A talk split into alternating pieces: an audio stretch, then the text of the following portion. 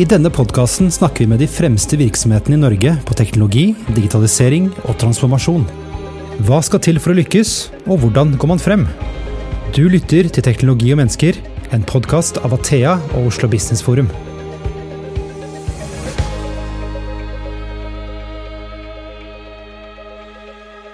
Da er vi tilbake med en ny episode i podkasten Teknologi og mennesker. Mitt navn er Christian Brostad. Et tips, hvis du abonnerer på podkasten, så kommer nye episoder rett inn i podkastspilleren din. Det skjer mye om dagen. Vi lever i en urolig verden og har flere kriser pågående samtidig. Og krisene forsterker hverandre. Alt dette bidrar til endring både for samfunnet, våre virksomheter og ikke minst oss selv. Sjeldent i moderne tid har vi stått overfor så mange forandringer som vi opplever nå. I boken Momentum, skrevet av en av våre gjester i dagens episoder, beskriver konturene av morgendagets uh, verden. I denne episoden skal vi rett og slett snakke om hva som skjer akkurat nå, som påvirker både land, byer, virksomheter, arbeidsplasser og ikke minst lederskap. Og hva bør du gjøre i en verden som er så urolig? Jeg må innrømme at jeg har gledet meg utrolig mye til, eh, til, å møte dagens eh, gjester. Vi har Kjell A. Nordstrøm, som er økonomidoktor, forfatter og rådgiver, med oss fra Stockholm. Og så har vi Torbjørn Røe Isaksen, samfunnsredaktør i E24 og tidligere statsråd. Velkommen til dere. Takk. Takk. Som jeg sa innledningsvis, eh, Torbjørn, så eh, er det jo veldig mye som skjer eh, rundt oss om dagen. Hvordan, hvis du skal stille en diagnose på hvordan verden er akkurat nå, hva vil den være? Det vil være at de kommende 30 årene blir grunnleggende annerledes enn de 30 årene vi har bak oss. Og at vi lever i en tid hvor veldig mange ting som ikke er evige sannheter, men ting som vi har tatt for gitt, står for fall. Eh, og at hvis man eh, er sånn midt i 40-åra, som jeg er, og har gjenopplevd både kalde krigens slutt og optimistiske 90-tallet og det vi kanskje kan kalle det lange 90-tallet, så ser man jo daglige eksempler på oppleste og vedtatte sannheter som for lengst eh, kastes over bord eller brytes. Bare ta ett eksempel. Hvis du spoler litt tilbake og ser på eh, Bill Clinton, eh, som var president i USA da på 90-tallet så hadde han en, en, en, tale hvor han snakket om Kina eh, og Kinas vei fremover. Hvor han latterliggjorde Kinas tanke om at du kunne kontrollere internett, for internett var jo stort og globalt og demokratisk. Så sa han at det er som å spikre gelé til veggen. Mm. Vel, hva er det vi har sett de siste årene? Jo, det er at Kina jevnlig spikrer gelé på veggen. Kjell, er du enig? Er det mye gelé nå i Kina? Ja, de har, de har fått gelén att fastna på väggen, det får man verkligen säga Torbjörn.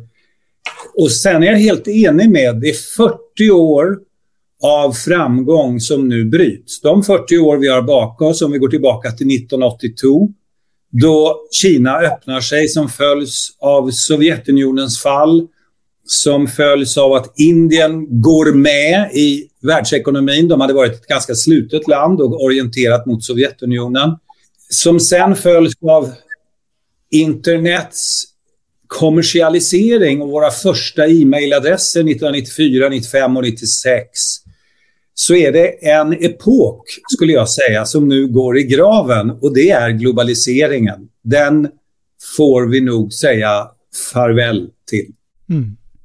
Eh, I forbindelse med lanseringen av boken Momentum, eh, som, er, som, jeg anbefaler folk å lese, så har du jo sagt at pandemien og krigen i Ukraina er en tidsmaskin og en oppvåkning.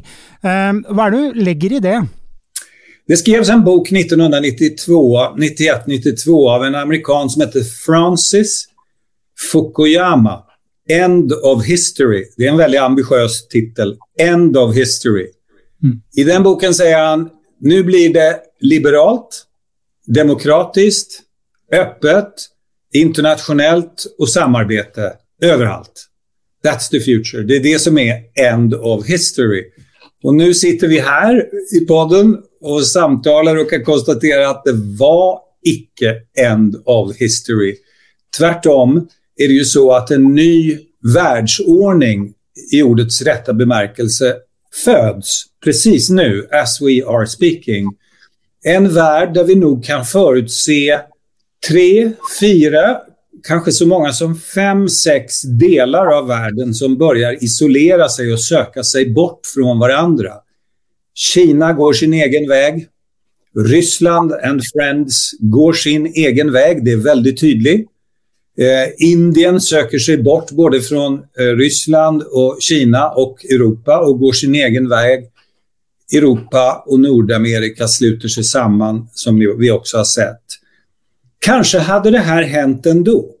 Men vad jag menade med det här med tidsmaskin är att kriserna skyndade på många förlopp i våra samhällen. Omvandlingen av världen, omvandlingen av arbetslivet och omvandlingen av våra städer. För det har till och med påverkat den inre logiken i våra städer. Så det är det jag menar med tidsmaskin. Det skyndade på saker som kanske hade hänt 2030 eller 2028 kanske vi hade jobbat mer hemma utan pandemi. Nu gick det fort. Det gick på några uker, månader så, så satt vi där på Teams och Zoom på skolan och universitet och arbetsplatser. Det är det jag lägger i begreppet tidsmaskin.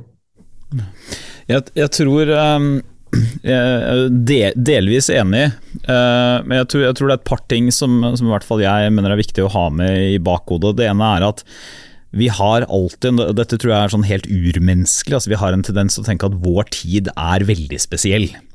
Eh, sånn at Da du hadde introduksjonen sin at kanskje, kanskje ikke noen gang tidligere har det vært så mye turbulens og så mange kriser og sånn. Altså Spol tilbake til nå vet ikke jeg hvilket år du er født, men eh, spol tilbake til 6, eh, midten av 60-tallet eh, i USA eh, begynnelsen av 70-tall. Altså USA er, Hvis man snakker om politiske kriser nå, så er USA da i ferd med å rives i filler av indre motsetninger, borgerrettighetskamp, den fremadstormende konservative eh, bølgen som kommer senere med Ronald Reagan etc. Eh, en tilspissing av den kalde krigen, ny bekymring i USA for at de er i ferd med å tape den kalde krigen, og selvfølgelig da den kalde krigen, altså en trussel om atomkrig mellom to supermakter. Så, bare, så og Grunnen til at jeg nevner det, er fordi at det kan godt hende at den perioden som vi har lagt bak oss, som det er mine som 44-åring formative år og tiår, det er kanskje heller en type sånn unntakstilfelle i verdenshistorien. En slags sånn pustepause fra det normale, som jo er usikkerhet, at det også er krig og væpnet konflikt. Og det vi kanskje nå erkjenner, da, det var at mange av de mest optimistiske spådommene, særlig populære på 90-tallet, men de levde veldig mye lenger enn det, om at dette var, det var ikke bare sånn at vi hadde det godt akkurat nå, men vi var på en måte entret en slags ny tidsalder, hvor, hvor, krig var en umulighet, eller det var så ufornuftig, og det var samarbeid og globalisering som var veien fremover. Den er i hvert fall forbi. Eh, og Det betyr også at denne, denne voldsomme spådommen om globaliseringens død, den er nok like heftet ved, med usikkerhet som den voldsomme spådommen på 90-tallet om at det eneste som kom til å telle for all fremtid var globalisering. Eh, det er forskjellige, Hvis man ser på tallene, så er det ikke sånn at globaliseringen plutselig er borte. Snarere tvert imot. Eh, mye tyder på at den kanskje har endret karakter. Mye tyder på at handelsmønstrene kan bli annerledes fremover. Og så kommer jo den store eh, game changeren, for å bruke et dårlig skandinavisk uttrykk mener jeg, og det er sikkerhetspolitikken. Det er det som endrer dette fundamentalt. fordi i det øyeblikket du får inn sikkerhetspolitikken inn i økonomi og samfunnsliv og politikk, så fører det til en total perspektivvridning. Mm. Som gjør at eh, f.eks. Eh, staten kommer tilbake på en helt annen måte enn tidligere, og handelspolitikk repolitiseres på en måte vi ikke egentlig har sett på noen tiår.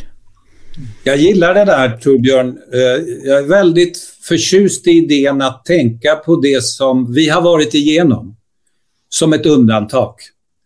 Eh, jag tror det kommer att visa sig när tiden går att den här perioden var eh, någonting som avvek mer än den liknar det som var före och det som kommer efter. Jag tänker på det här, det faktum att nästan tre miljarder människor kom ut ur relativ fattigdom och blev en del av någon sorts internationell handel under de här 40 åren. Det är klart, det, är, det var ju en, en engångshändelse så att säga. Det kan ju inte gärna hända igen. Nu har de så att säga blivit mer eller mindre integrerade. Det andra jag gillar i det som du säger väldigt mycket är att det har varit business som har varit lead. Det har varit the lead system och politics åkte andra klass och i andra vagnen. Eh, det var ju väldigt tydligt med privatiseringar med, med Reagan, Margaret Thatcher. Nu är det staterna som kommer tillbaka på ett antal områden. Energipolitik, säkerhetspolitik. Vi ser ju ett antal områden där staten tar lead på ett helt annat sätt och påverkar handelsmönster. Og jeg, jeg, jeg, er helt enig i det du sier nå, Kjell. og jeg tror eh, Hvis man skal prøve å sette noen sånn konkrete eksempler på det, så er det så er energipolitikken i Europa nå ser man jo tydelig. altså Macron, som er en relativt sånn høyrevridd Han er i hvert fall ikke langt ut på venstresiden. altså Han er en sentrum-høyre, sentrum-venstre-politiker som nærmest har nasjonalisert, eller ikke bare nærmest, han har nasjonalisert fransk energisektor. Eh, du, du ser at klimapolitikken er helt avhengig av også at staten spiller en mer aktiv rolle enn tidligere. Men igjen også sikkerhetspolitikken. Før, eh, før jul nå Altså I fjor så vedtok eh, USA under Joe Biden eh, noe som de liksom populært kaller for The Chips Act. og Det handler ikke da om sørlandschips eller potetgull, men om semiledere, mikrochips. Som jo er på mange måter altså det, er ikke, det er ikke som olje og gass i, i, eh, tidligere konflikter, for olje og gass er fortsatt så viktig, men det er i hvert fall det nye gullet i dette teknologikappløpet mellom bl.a. Kina og USA. Og Hva er det den innebærer? Jo, det innebærer en, en massiv støtte, 280 milliarder dollar over flere år, for å bygge opp USAs innenrikskapasitet, og ikke minst eksportrestriksjoner. Og Det er et ganske fundamentalt skifte. altså Bare, bare, bare spor noen år tilbake fra, fra, før Donald Trump ble president, så var det, det var en spenning mellom Kina og USA som var eskalerende. Men, men nå har altså Kina blitt definert som en systemisk rival for USA, delvis for Nato og EU også. Og, Kina, nei, og USA følger opp med faktisk politikk for å bygge opp egen industri å beskytte eh, eller begrense eksporten sin ut. Og Den type eksempler kommer vi til å se stadig flere av, fordi at sikkerhetspolitikken har kommet inn og liksom forkludret dette litt sånn vakre, liberale, globaliserte bildet. Altså, Det hadde ikke blitt noen forselgning av et Volvo i dag til Kina. Det kan jeg si. Uh, som Nei, godt, godt eksempel, Kjell. Mm. Det hadde aldri hendt at Kina skulle kunne kjøpe 100 av Sverige, ett av Sveriges tre største företag. Det, det hade ikke skett alltså. Eh, och det hadde heller ikke våre partners gått med på i utlandet så att säga. Det hadde blivit en helt annan fråga idag. Om ni kommer ihåg, det var knappt diskussion når det hände. Det var helt naturlig. Uh, it's a part of globalization and, and China and us coming closer. Uh, og her sitter vi nu. Og da hadde det ikke blivit noen affær. Det, det, det, tror jeg likevel, og det har vært interessant å høre hvordan dette ser ut både fra, fra Kjell som personlig perspektiv, men også fra et svensk perspektiv, som jo er Vi er jo små, åpne, globale økonomier eh, her oppe i nord. Og det er jo eh, at vi, vi, vi vet jo fortsatt ikke altså Én ting er at historien lander jo aldri, den fortsetter jo bare å rulle og gå. Eh, men vi vet jo helt, ikke helt hvilke konsekvenser dette får. F.eks. hvis du ser fra norsk eh, side, så har vi, vi har fortsatt formelt sett frihandelsforhandlinger med Kina. Eh, vi har vel egentlig ikke tatt den store diskusjonen om hva dette nye sikkerhetspolitiske bildet betyr for oss som en liten, åpen økonomi. Eh, vi vet ikke om vi kommer i en situasjon hvor det vil bli veldig vanskelig, kanskje umulig, å bygge f.eks. handelsrelasjoner med, med Kina. Eh, eller om det vil være en situasjon hvor vi fortsatt vil kunne handle med Kina. egentlig sånn, altså At vi klarer å holde økonomi og sikkerhet til en viss grad separat. I hvert fall kanskje ikke på på mikrochips, men i hvert fall på laks og Ikea-møbler. Mm. Altså her, her, har vi jo hatt noen case, store case. Ikea hadde nesten 20 000 ansatte i Russland. De hadde tre fabrikker og massevis med outlets, altså Ikea-varehus. Alt er stengt, som dere vet. Det er helt stengt. Hennes og Maurits har tilverkning i Kina veldig mye tillverkning, bl.a. i en av regionene der det finns uigurer. De har samtidig litt over 100 outlets rundt om i Kina. Eh, och det här har blivit en, en problematikk, som ni sikkert forstår, med at kineserna ställer krav på H&M at de eh, ska rapportera om at det går fint med omskolningen av uigurer. Mm. Och kräver det av H&M. H&M kan ikke gjøre det förstås börsnoterat företag. jag skulle si att prognosen per idag är att det kommer att bli omöjligt för H&M att stanna i uh, Kina under nuvarande omständigheter på det sätt som de gör nu. Det kommer å bli veldig veldig, veldig svårt. Men HM ble vel også rammet av en, en sånn halvoffisiell eh, forbrukerboikott av en del vestlige selskaper, nettopp knyttet til da Eh, at de, eh, at de, hadde respondert på da vestlige eller ikke, Når vi sier vestlige, så er det viktig å huske at vi mener da det, det, det globale Vesten, hvis man kan kalle det det. Altså vi inkluderer både Australia og Japan og flere andre land, så det er ikke bare liksom Europa og USA rent sånn geografisk. Men, men HM ble også rammet av dette. Som, som, som, som, er interessant også, fordi at det, dette, det, det, kan hende at det også antyder en type verdiskifte. ikke sant? Hvis du, hvis du, forenkler det litt, så kan du si at når Kina, som Kjell sier, når Kina i, i 1982 starter sin veldig sånn gradvise ferd mot en mer liberal økonomi, eh, åpner enda mer opp under Deng Xiaoping og på 90-tallet, så, så, er det en slags sånn følelse, i hvert fall i Vesten, av at de er takknemlige for å få vestlige forbruksgoder. Men så finner jo også Kina, ikke bare finner de en fantastisk økonomisk velstand og har vekstrater som vi bare kan se med misunnelse på, men de finner jo også en ny eh, type kulturell selvtillit. Eh, Kina er nå ferdig med sitt ydmykelsens århundre, hvor de ble herset med av eh, Vesten og Japan.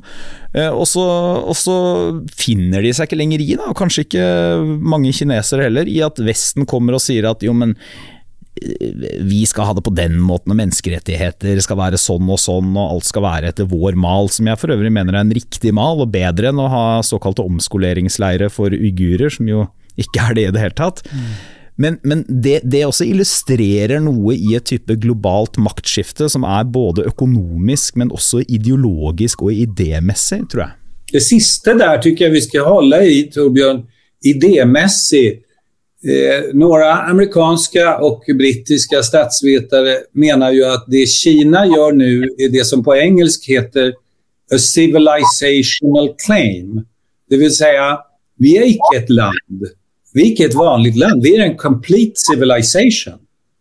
Med egen historie, egen musikk, egen, eget alt. As good as yours, thank you very much. Så ni kan ha era human rights and your organizations, takk så mye. Men her har vi med, med kinesiska förtecken som de säger själva. Det vill säga vad vi möter är så att säga civilisationer som nu krockar ett sätt att se på civilisation, nämligen vårt eget. Kinas sätt att se på civilisation och vad civilisation är. Där jag får säga som du Torbjörn, jag ansluter mig till vårt system så här långt och vår idé, för det är ju en idé. Men det, det är clash of civilizations, ungefär som en, en uh, Samuel Huntington skrev om. Men han skrev om det utifrån religion, mycket mer än en idé. Ja, var jo, Han var jo på mange måter liksom 90-tallsmotparten til Fukuyama, som du nevnte tidligere, tidligere i dag. Men jeg, jeg, tror også at dette eh, nå, nå, nå, må vi ikke, må vi ikke eh, altså vi, Det er viktig å forenkle bildet. Jeg har veldig sans for sånn store sånn kulturdiagnoser og samtidsdiagnoser og sånn, og mener at de ofte kan fange noe som ikke, ikke empirien viser der og da. Men det er samtidig viktig å nyansere bildet litt, da, det, og det er også å si f.eks. at uh, Kinas posisjon er også uh, veldig problematisk i regionen.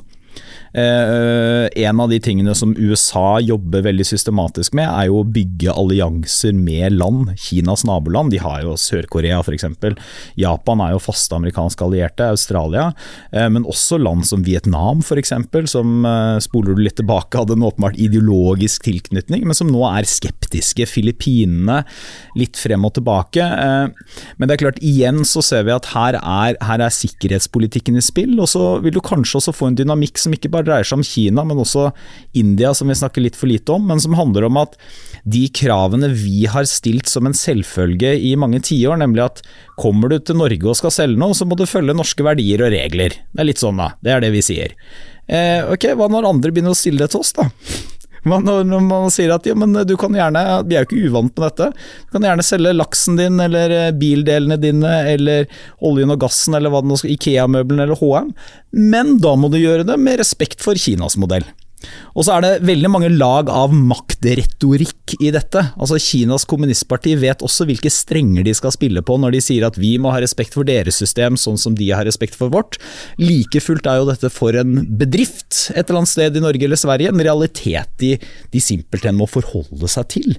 Og i mange fall kommer det å vise seg at man havner som sån, eh, i spagat, sier man. Det, det blir svårare og svårare å holde ihop det her om man ska ha en fot på eh, börsen i London eller New York eller Stockholm eller Oslo Å andra sidan göra business med de här värderingarna som man då krävs, i fallet med H&M. Det visar ju sig vara lite oförenligt med den kunskap vi har idag i alla fall. Nej, varsågod. Nei, jeg, jeg tenkte Vær så god, programleder. Du kan ja. slippe til. Ja. Eh, nei, jeg tenkte, for Begge snakker egentlig om at eh, verden deles jo opp i litt mindre deler på en eller annen måte. da. Eh, og I boken din, Kjell, så har dere jo introdusert et begrep som heter oligoner, eller noe sånt. Oligoner oligon. Eh, kan ikke du forklare litt hva, hva du egentlig Vi har touchet innom det litt allerede, men forklar litt hva dere mener med oligoner. Oligoner er egentlig det som Torbjørn og jeg har diskutert her. Det er, man kan tenke på det som et paraply som Kina feller opp, og der noen velger å finnes ah, delvis frivillig, noen ofrivillig under det her ideologiske paraplyet. Ryssland håller upp ett ideologiskt paraply. Belarus finns under det, Kazakstan är halvt motvilligt där, Tadzjiki är halvmotvilligt. Vi får ett antal sådana här ideologiska paraplyer. Och precis som du sa Torbjörn, under vårt ideologiska paraply hittar vi Japan, Korea, Nya Zeeland, Australien som i och för sig inte ligger här geografiskt, men som idémässigt delar väldigt mycket av de värderingar och idéer som eh, Europa till exempel och USA eh, står för. Och Det är det vi menar med de här oligonerna. Men jag får säga, lite som Torbjörn sa, man kanske ska nyansera bilden här lite. Om vi tar Sverige, som jag kan siffrorna i huvudet. Frågan är, hur globalt var det då för fem år sedan? Om vi tittar på svensk import och, import och export som är en av världens öppnaste ekonomier som du sa Torbjörn, samman med Finland och Danmark och Norge. 25 procent av all export och import till Sverige går till de andra nordiska länderna. Så det är nummer en. 25 procent, en fjärdedel, går till Norge, Finland, Danmark och så vidare. Sen lägger vi in Tyskland, England, Nederländerna, Holland och några andra europeiska länder och vi är raskt uppe i 70-75 procent. Tio länder står för mer än 75 procent av Sveriges export och import. Detta är en av världens mest öppna ekonomier. Vad jag ser är, land, världen är 200 länder. Globalisering var kanske det som man på engelsk säger a pie in the sky. Det var en dröm, om ni förstår vad jag menar, som vi jobbade mot kanske och hade kommit en liten bit. Men så global var det inte. I vart fall för de här små öppna ekonomierna här. Vi hade inte handelsrelationer med större delen av länderna, utan tunga, djupa relationer som är historiska går långt tillbaka i tiden, till Hansa-tiden i fallet med Sverige. Det är ju samma partners. The newcomer är Kina. De har kommit in på listan, men ända till 2018 var Kina och Belgien lika stora handelspartner för Sverige. That's crazy. Kina och Belgien hade samma storlek som handelspartner fram till för några år sedan. Og det säger noe hur stabila de her relationerna er. Og at det kanskje ikke var så förbannat globalt som man kanskje tror. Men jeg, jeg, jeg, Det er jo tilsvarende situasjon for Norge. altså Hvis du ser på vår eksport, så er det i overveldende grad til euroområdet. Jeg tror det er noe sånn som 70-75-80% eller noe sånt. Og så kommer USA som en stor handelspartner. Eh, så er det litt annerledes for en del europeiske land. Eh, Tyskland f.eks. har altså De har også sin overveldende altså Alle eksporterer mest til sine naboland. Eh, det tror jeg gjelder nesten alle land i verden, mulig unntak for noen ressursrike stater noen steder, jeg vet ikke. Men, eh, men eh, for Tyskland f.eks. er Kina den, er den største eller nest største liksom, handelspartneren utenfor euroområdet. Mulig det er nest størst etter USA. Men så er det også noen, noen hvis man tenker på hva som er som driverne i økonomien nå, så har vi, vi har snakket litt om teknologi og teknologiutvikling, og i og for seg også avansert teknologi. altså ikke masse, du, du må masseprodusere mikrochips, men det er, det er, vanskelig å få det til. Ikke spør meg om detaljene i det. En annen driver er jo eh, en del klassiske ressurser, altså olje og gass, blir vi, det kommer vi til å leve med i flere tiår fremover, og det vil forme storpolitikk, men også mineraler. Mm. Eh, og Der ser du jo at uh, veldig mange av de store mineralforekomstene og mye av mineralutvinningen foregår nettopp da i f.eks. Russland, Kina, eh, en del eh, afrikanske land også. Så, så, så, noen av innsatsfaktorene kan du si, også i teknologien, eh, er Europa sårbare for eh, handelsforstyrrelser i. Og Det er også for øvrig en påminnelse for, for oss som da hadde liksom 90-tallet som en slags, slags sånn formativ oppvåkningstiår. Jeg husker jeg hørte bl.a. foredrag av Kjell og leste noen bøker på Det var på den tiden hvor du også eh, kom ut med noen av de, de, de første bøkene. Så, så, er det også en påminnelse fordi at det var en tendens da til at vi nesten snakket om det, økonomien som Det var liksom aldri noe håndfast. Det var, det var kunnskap, og det var nettet og sånt, og så glemte vi at alt dette består jo også av materielle ting. Og du trenger du, du, kan ikke bare leve av kunnskap, du trenger også mineraler for å bygge en mikroskip eller en elbil eller hva det nå skal være. Og de mineralene de må komme fra et sted. Det stemmer. Så vi har fått en uh... Jeg liker T-skjorten din, Kjell. Nå må jeg bryte inn og si at du har en Moods of Norway-T-skjorte på deg. Det var jo Så der, ja. ja, det har jeg. Du kjente igjen den? Var rolig. Ja, jeg så det. Jeg kjøpte mye fra Moods of Norway. Det var en favorittleverandør lang periode for meg. Ja. Eh, men bilden blir jo veldig sammensatt. Derfor det, det finns jo tendenser til deglobalization på noen områder. Det finnes tendenser til at vi behøver hverandre eh, på det her området som du beskriver. Eh, med kritiska jordartsmetaller etc. etc. Där vi är helt fysiskt beroende av varandra. Vi må ha dem. Det är så att säga en insatsvara som är helt nödvändig i vissa processer. Pottaska till exempel och kobolt och sånt. Ja, og så må vi ju också, må det jo sies at uh, en ting er noen sånn drømmer om en global verden og felles sikkerhet og, og sånt, men, men, du har jo en del eller i hvert fall én veldig klar utfordring som bare kan løses globalt. Eh, og det er klimautfordringene. Så, så, så eh, heldigvis da, så var det noen antydninger nå da, da Joe Biden og president Xi møtte hverandre eh, nå på tampen av fjoråret til at Kina og USA sa at vi skal ha en sånn constructive engagement på klima, og forhåpentligvis så kan det også overleve en større sikkerhetspolitisk spenning.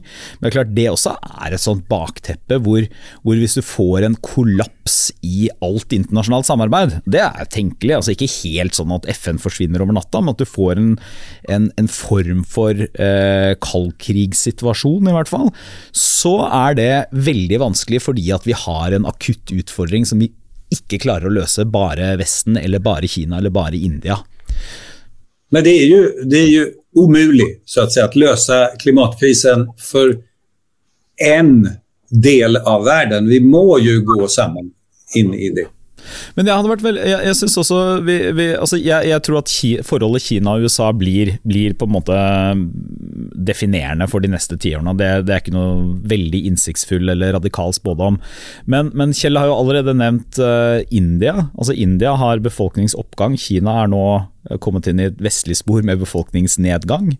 Uh, stor økonomi. Uh, Afrika har også enormt altså stor, ung befolkning, masse ressurser, har vært plaget av liksom, dårlig styresett og dårlige handelspraksiser fra vår side og diverse annet, men, men enormt potensial. Så det er, jo ikke, det er jo ikke gitt at når vi griper veldig lett til eh, gårsdagens sammenligninger og tenker at eh, vi kjente jo Kina og, eh, Kina, Sovjet og USA, så da vil kanskje forholdet USA-Kina ligne litt på det.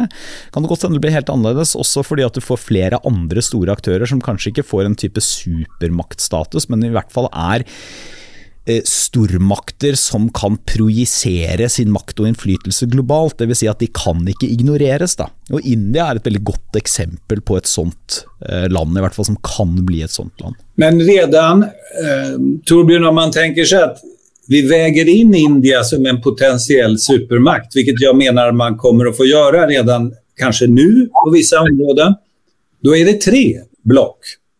Det är India, Kina och USA och tre är mycket mer än to. Då är det så att säga multipolaritet i verden. Så må du kanskje slenge på EU også, selv om EU er en EU eh, e har jo alltid har jo til evig tid slitt med Henry Kissingers spørsmål uh, Who do I call if I want to reach Europe? Uh, så er det jo antydninger til i hvert fall at EU EU også fordi at verden endrer seg, så presses EU sammen både som en økonomisk, men også en politisk blokk. Og EU er jo i selv uten Storbritannia så er EU en økonomi som er oppe der med de store. Så den er ikke større enn USA, den er vel hakket mindre enn Kina også, men i hvert fall eneste som er i nærheten av det. Og da har vi fire. Da har vi fire. ja. Fire blokk som har ulike interesser eh, som kommer att få intressekonflikter. Så det er ikke den gamle konflikten øst-vest, eh, eh left-right, utan nå er det det her som ibland kalles for multipolaritet. Flere noder, hoppende allianser. Mer, mer om Europa. Europa på 1800-tallet enn det minner om den kalde krigen, kanskje. Eh, vi skal gå litt videre, fordi eh, jeg har hørt deg flere ganger si, Kjell eh, jeg håper å si, Det er ikke du som har etablert begrepet Gud. Men eh, du har jo snakket om globalisering, urbanisering og digitalisering. Eh, og i boken så snakker dere, eh, skriver kanskje, en del om at det er fortsatt flytting til byene. Altså det er en sentralisering, men det er også en endring i måten vi bor og lever på i byene. Kunne du ikke sagt litt om det også, for det er også et viktig utviklingstrekk her? Altså, ja, Gud, eftersom den här kraften var så stor, den, den sammanlagda kraften av digitalisering, av allt vi människor gör, från skola till sjukvård, ni känner till. Att vi drar till byarna runt hela världen, det ser likadant ut i Afrika, Asien och USA, som det gör här i Norden. Och globaliseringen som då gjorde att vi samarbetade mer över gränserna. Det där skapade ju någon sorts kraftfält i vilket vi levde. Det ser ut som, med de siffror vi har nu idag, som att den som går vidare helt obekymrad av detta är urbaniseringen. Den fortsätter världen runt. Och pandemin verkar ha ändrat lite logiken inne i städerna, men icke stoppat urbanisering. Den har gjort centrum lite mindre attraktivt i många byar. Eh, det kallas för donut cities ibland. Att det blir ett hål i mitten som ikke er lika attraktivt längre för kontor, för shopping och sånn och sånn och sånn. Medan marginalen på byarna förstärks. Vi rör oss litt, litt ut från byarna en timme ifrån, en og en halv timme ifrån. Men ikke fem timer ifrån. Så det er nære storbyarna fortfarande som det växer. Bilden her eh, som träder fram er jo allt mer en värld av byer snarere enn en värld av länder. Om man tittar på ekonomiska processer så er det någonstans mellom 550 og 600 storbyer som står for større delen av verdens handel 2040-50. Och prognosen står sig ganska bra så här långt när vi tittar på tillväxtkurvorna. Här i Sverige, och det ser vad jag förstår likadant ut i Norge, kommer ju Stockholm, the larger Stockholm area, att vara hälften av Sveriges befolkning 2050. Det är det vi planerar tunnelbana och, och trafiksystem för. Mälardalen, the larger Stockholm area, 5 miljoner ungefär. Og, Stock och Sverige er da 10,5. Det, det, er 50% av, av landet i ett byområde. Og sen Malmö, Köpenhamn og Göteborg som tar oss opp til 80-85% Så det er en våldsam sentralisering. Også i våre länder her i Norden. Finland ser, beskriver likadan utvikling. Og den går ikke riktig å se idag, var, när inte ens en pandemi kunde stoppa den, för det har sagts i alla år, kommer det en global pandemi, det är ett hot mot urbanisering. Ja, icke den här i alla fall. Den, den var icke... Det var inte tillräckligt för att, att stoppa. Och jag har förstått att Oslo har legat länge, Torbjörn, är det inte så? Som en av de snabbast växande byarna i Europa. Jo, det, det, har blitt, det, har blitt, sagt, så ser du nok i Oslo også. Altså I Oslo så har du hatt en eh, Altså i Oslo kommune, da. Så har du hatt en be, liten befolkningsnedgang faktisk i kjølvannet av, uh, av pandemien. Uh, og vi uh, vet ikke helt hva slags vekst vi planlegger for, men det blir så innmari dyrt og funker ikke det vi prøver å planlegge for, så det er vel uinteressant å diskutere norsk samferdselspolitikk. Men, men, men nei, jeg, jeg tror, tror, også det Dette er jo ditt ekspertfelt, ekspertområde, Kjell, sånn opprinnelig, er det ikke det? Altså urban så, så, jeg har ikke noe dette, dette, kan ikke jeg så mye om, men er, jeg ser heller ikke noe som tyder på at liksom, de store sånn, sentraliseringsstrømmene innad i land at det skal liksom, fundamentalt endres. Så vil jeg jo si likevel at det er, det, er, det, er, er, interessant den diskusjonen som har vært i mange land, også i Sverige og Norge, om disse second cities og third cities. altså Hva er det for noe? Det er, de, det er ikke hovedstaden, men det er de som er like etter. Eh, I Norge så vil det være den evige hovedstaden Bergen, eller Trondheim, men også Bodø, Tromsø. altså I Storbritannia er det mye diskusjon om de, nettopp, de nordlige byene. Um, og det der å bygge, bygge liksom livskraftige, også økonomisk bærekraftige desentraliserte byer, um, tror jeg er klokt og fornuftig. Derimot så er jeg mer skeptisk, og jeg tror heller ikke altså det er heller ikke noe, når vi, når vi, snakker om andre deler av Gud, altså, så er det jo heller ikke noe som tyder på at liksom den, den, voldsomme sånn, teknologiske utviklingen som sådan kommer til å endre noe tempo eller noe sånt. Men, men eh, det er jo veldig mye som tyder på at eh, der man igjen, altså spol 10-15-20 år tilbake, hadde et veldig optimistisk syn på hva teknologien kunne gjøre. Så har vi nå fått, i første runde, så har vi fått diskusjonen om hva er det de store tech-selskapene betyr for økonomien vår. Vi har fått diskusjonen om hva betyr alle disse sosiale mediene for privatlivet og hverdagslivet vårt og oppmerksomhetshorisonten vår. Eh, og det kan jo hende også vi får en klarere diskusjon om hva dette vil bety for, for den økonomiske dynamikken vår. Jeg er i hvert fall jeg er i hvert fall Um, altså Jeg er ingen luditt, som de het, de som knuste maskinene i Storbritannia. Uh, men jeg er, uh, er, nok bekymret for ikke at du skal få massearbeidsledighet. Altså det er alltid en, uh, en, myte som er vanskelig å se for seg at skal bli, manifesteres over lengre tid. Men at du skal få store konsekvenser for lønnsstrukturen i samfunnet. Med en økonomi som veldig, er veldig konkurransepreget, og hvor det er store omstillinger og mange for å si det litt enkelt, sånn solide middelklassejobber lett kan bli byttet ut med mindre solide serviceyrkejobber. Det er en, en sosial utfordring også i de nordiske velferdsstatene, tror jeg. Ja, det, det som iblant Torbjørn kalles for för ubrification, det Si säga ja. at vi får en snabbt växande arbetande lägsta klass i samhället som behöver to eller tre jobb for å forsørge seg.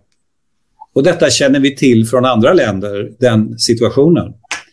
Eh, Foodora, Uber, Bolt. Og det, det, blir jo igjen et interessant eksempel på det jeg sa tidligere, at staten er tilbake.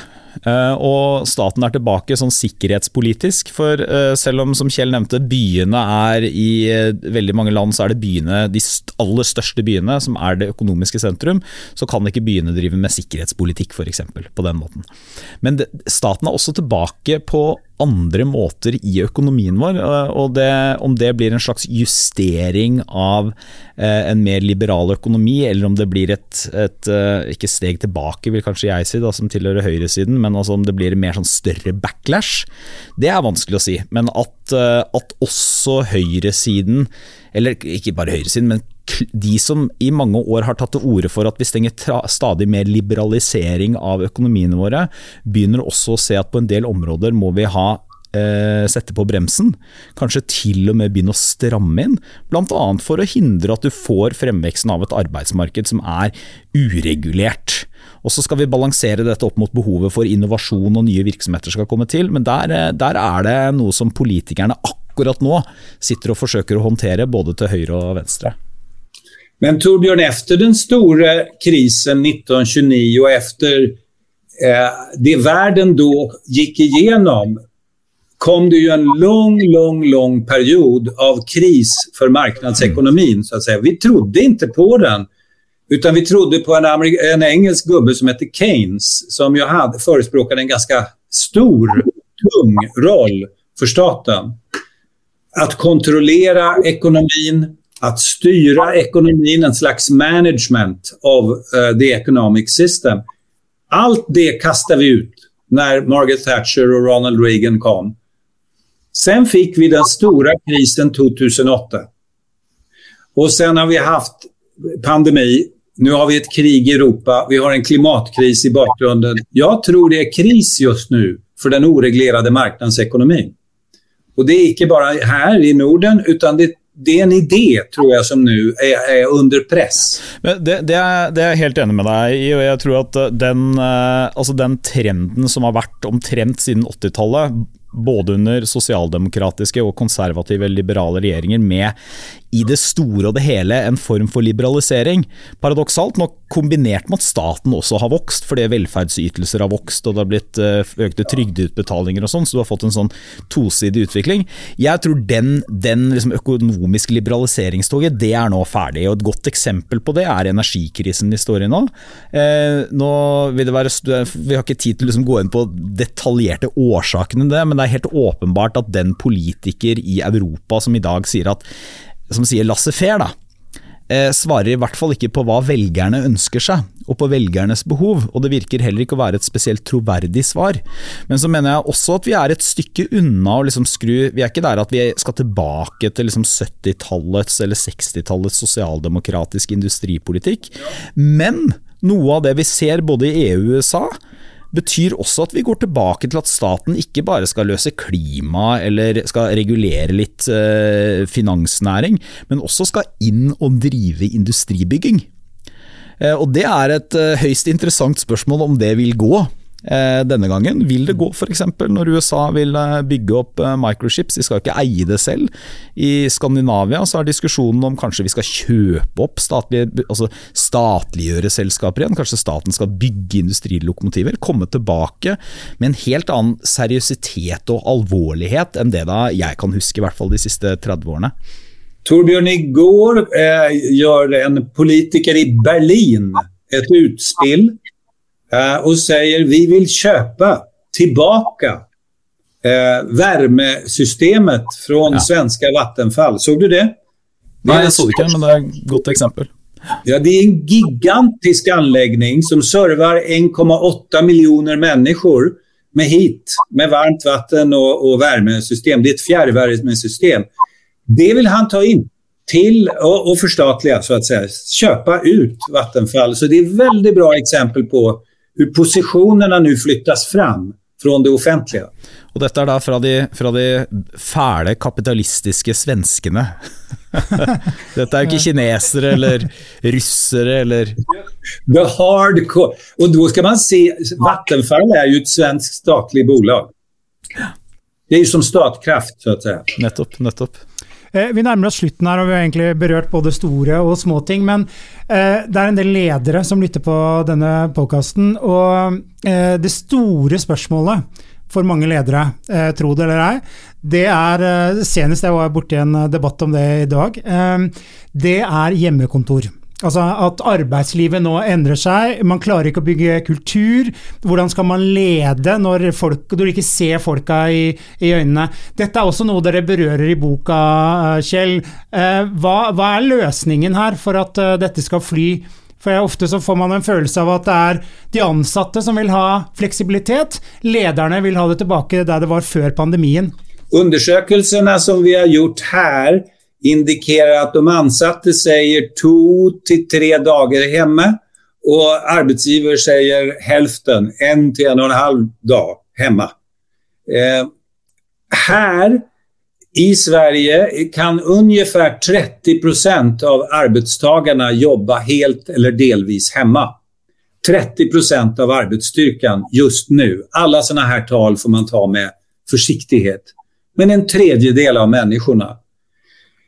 Nummer to, eh, ledelse i en bedrift eller i militär organisation eller i kyrka har alltid byggt väldigt mycket på självorganisering i den meningen att vi människor tittar på varandra mer än vi många gånger tittar på chefen. Det är de andra eleverna i en klass betyder väldigt mycket för hur det blir, så att säga, icke föräldrarna eller läraren alla gånger. Vi er som starer eller fiskar i en flock når vi er sammen, og da selvkoordinerer vi oss. Det som er en kris nå, er at vi nå delvis ikke er i denne flock. Og da må all ledelse være veldig uttalt, Den må jo tydliggöras. Det blir et mye mer krevende jobb for ledelsen. Du må specify hva forventes, når forventes det, hur länkar detta samman med vad andra gör just nu i organisationen eller bedriften. Det är en annan chefsroll när människor icke ses på samma... Så jag förstår att många har det här spörsmålet idag. Det är för mig väldigt självklart. Jag tror icke vi kommer att se en återgång till hvordan hur det såg ut innan pandemi. Det här är allt för effektivt för att ekonomiavdelningarna skulle eh, gå med på så att säga att vi börjar resa igen och träffas och vara på kontor och sånt och sånt. Det, det är för mycket ekonomi i det här och butikk. Torbjørn, er du opptatt av denne debatten? ja, altså jeg, jeg, er opptatt av det også fordi at min siste statsrådspost før jeg gikk ut av uh, politikken, det var jo var som ansvarlig for bl.a. hjemmekontor i Arbeids- og sosialdepartementet.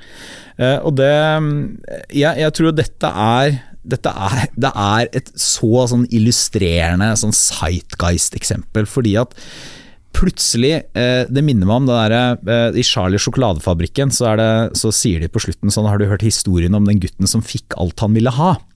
Og det er dette det minner om, som plutselig så fikk man eh, det mange hadde snakket om, sånn full fleksibilitet og et helt digitalisert arbeidsliv.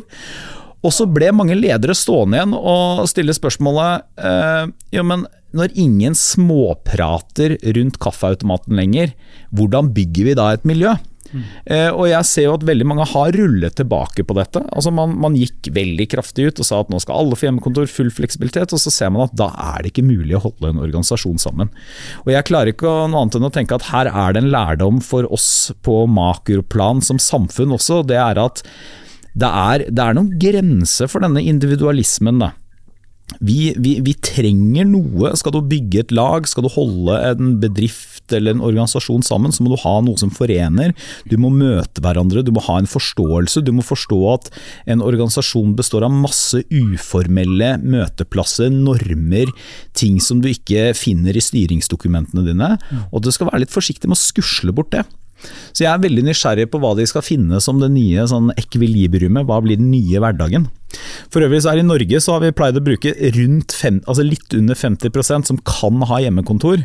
Men det er klart det er langt færre enn det hvis du ser på de som kan som en naturlig del av arbeidshverdagen sin sitte hjemme tre dager i uka.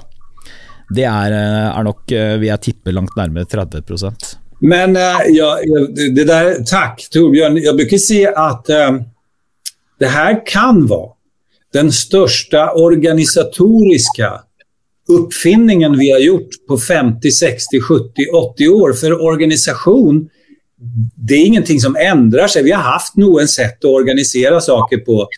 Eh, divisioner, dött, dött, dött. Och sen kom vi på matrisorganisation på 60-talet. Det är det sista vi kom på. Ni vet, matrix organization som det då kallas på engelska. Detta med att vi öppnar nu upp en dimension där man arbetar på en annan plats på en annan tid. Det är ikke Dolly Parton working 9 to 5 längre, utan man jobbar lite när det passar, är en enorm innovation i sig. Den kräver nu någonting av dem som ska styra och leda det här. Det vet vi inte hur det ser ut, för det, är, det har inte kommit något svar på det skulle jag säga, Torbjörn. Vi löste ju bara ett problem, ett praktiskt problem. Hur ska vi få skolan att funka, bedriften att rulla? Ja, vi får köra på mycket mer på Teams. Men nu Ska det bli en reguljär del av arbetet, hur håller man då ihop organisationen? Och det kommer att kräva en respons fra ledelse og ledere. Du har også det som eh, folk jeg snakker med i næringslivet beskriver på litt forskjellige måter, eh, som på det, igjen det dårlige norske uttrykket kalles 'quiet quitting'. Eh, som er jo en slags reaksjon på at noen føler da at de ikke har jobbet verken som 9 to 5 som Dolly Parton, eh, men de har jobbet, og heller ikke litt, men de har jobbet 9 to 9 eller 9 to 12. Og da er det ikke 12 på formiddagen, da er det midnatt. Eh, og, og, noen jeg snakker med beskriver det som en slags sånn dette er en fad, altså dette merker de ikke så mye til. Men jeg har også møtt eh, ledere sentralt i, i norsk næringsliv som sier at dette er en stor utfordring. Og det er klart at En del av dette skillet mellom arbeidsliv og privatliv eh, kan du også potensielt få en reaksjon på fra da eh, unge mennesker som er godt utdannet, vet at de er attraktive på arbeidsmarkedet, kanskje også vokst opp i en tid hvor det er ikke, andre forventninger eller krav eller standarder da, til hva de skal bidra med eller gjøre, eller noe sånt, eh, som også da norske ledere må, og svenske ledere må håndtere. Det, det, det bra, dette, dette ordner seg når Kina tar over, tenker jeg, for da må alle jobbe hele tiden.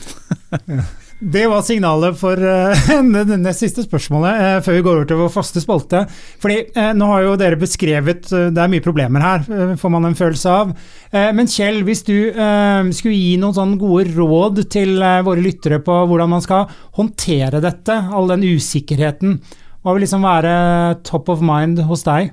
Egentlig er det at gå till myrstegsprincipen, det vill säga inte göra såna här långa fina plans som är tre år och fem år och två år eller något sånt. Det här kommer att bli en tid av incrementalism. Vi kommer att få anpassa oss, justera, pröva, experimentera.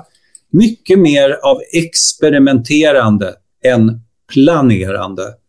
Trial and error kommer att bli ens bästa vän.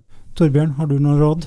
Jeg, jeg, tror jeg, jeg, tror ikke jeg, har noe råd, men jeg, hørte i fjor, eh, ved inngangen til det nye året, så var det en forsker ved Norsk utenrikspolitisk institutt eh, som kom med det jeg vil si var den mest treffende spådommen for 2022 som jeg hadde hørt, i hvert fall. Det var eh, økonomi Hvis du er næringslivsleder, så må du også være politiker. Mm. Og Det han mente var selvfølgelig ikke at du skulle bli politiker, men du måtte forstå at den verden vi lever i nå, den, der er politikk og økonomi to sider av samme sak.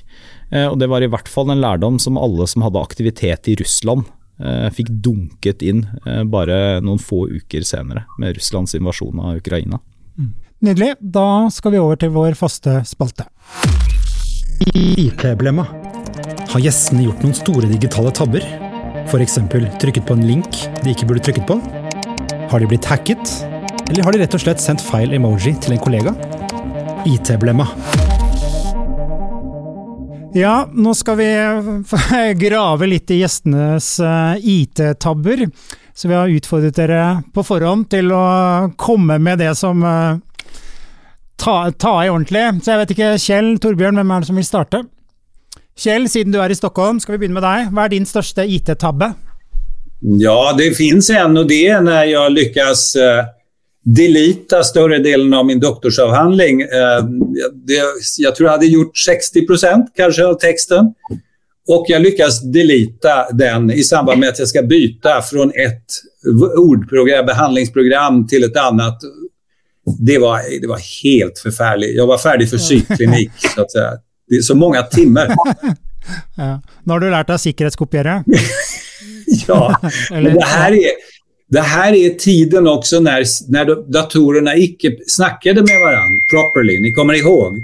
Mm. Uh, där Mac och, och um, Microsoft kommuniserte ju inte ordentligt med varandra. Mm. Vad jag gjorde för fel vet jag ikke i den i denna dag. Jeg er generelt en, en, sånn konservativt anlagt pessimist, men jeg vil si at et genuint fremskritt det er sånn autolagring.